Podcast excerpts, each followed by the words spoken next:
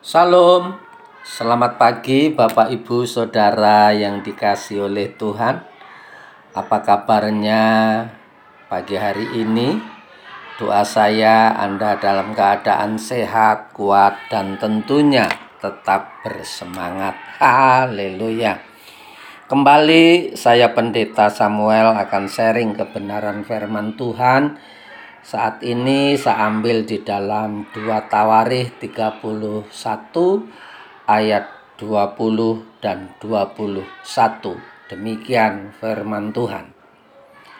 Demikianlah perbuatan Hizkia di seluruh Yehuda yang melakukan apa yang baik, apa yang jujur, dan apa yang benar di hadapan Tuhan Allahnya dalam setiap usaha yang dimulainya untuk pelayanannya terhadap rumah Allah dan untuk pelaksanaan Taurat dan perintah Allah, ia mencari Allahnya. Semuanya dilakukan dengan segenap hati sehingga segala usahanya berhasil. Haleluya. Bapak, Ibu, Saudara yang dikasih oleh Tuhan, Tema pada pagi hari ini adalah keberhasilan orang percaya. Dari ayat ini diketahui bahwa Hizkia adalah seorang raja Yehuda. Ia berumur 25 tahun pada waktu ia menjadi raja dan 29 tahun lamanya ia memerintah di Yerusalem. Meski terhitung muda, Hizkia memiliki hati yang takut akan Tuhan. Banyak orang mengalami putus asa atau merasa pesimis terhadap janji-janji Allah pada saat menghadapi tantangan dan mengalami kegagalan.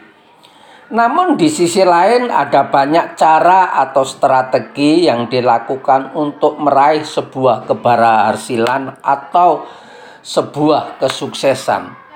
Tidak heran jika akhirnya ada orang sampai menghalalkan segala cara hanya demi mencapai keberhasilan atau mencari keuntungan yang besar.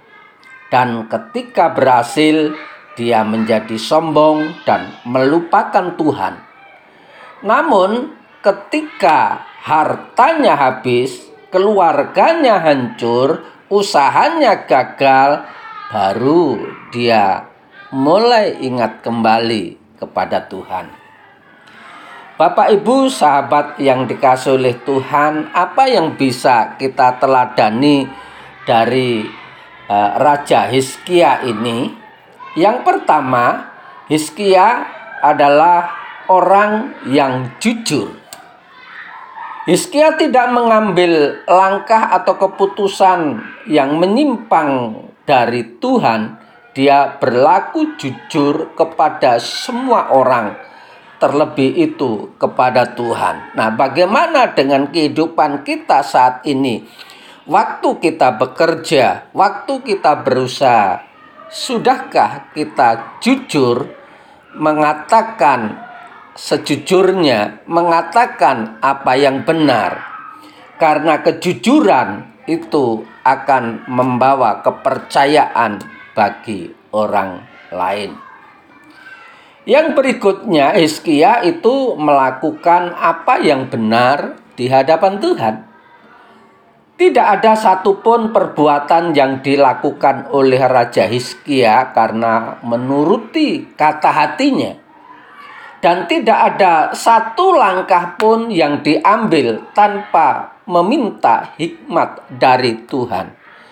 Jadi Hizkia ini melakukan segala sesuatu minta petunjuk kepada Tuhan. Dan saya mengharapkan kepada ibu bapak atau kita semua bahwa mari kita menjalani hidup ini, kita harus minta petunjuk dari Tuhan apa yang bisa kita lakukan agar supaya segala sesuatu yang kita lakukan itu berkenan di hadapan Tuhan dan bisa membawa dampak yang baik terhadap orang lain.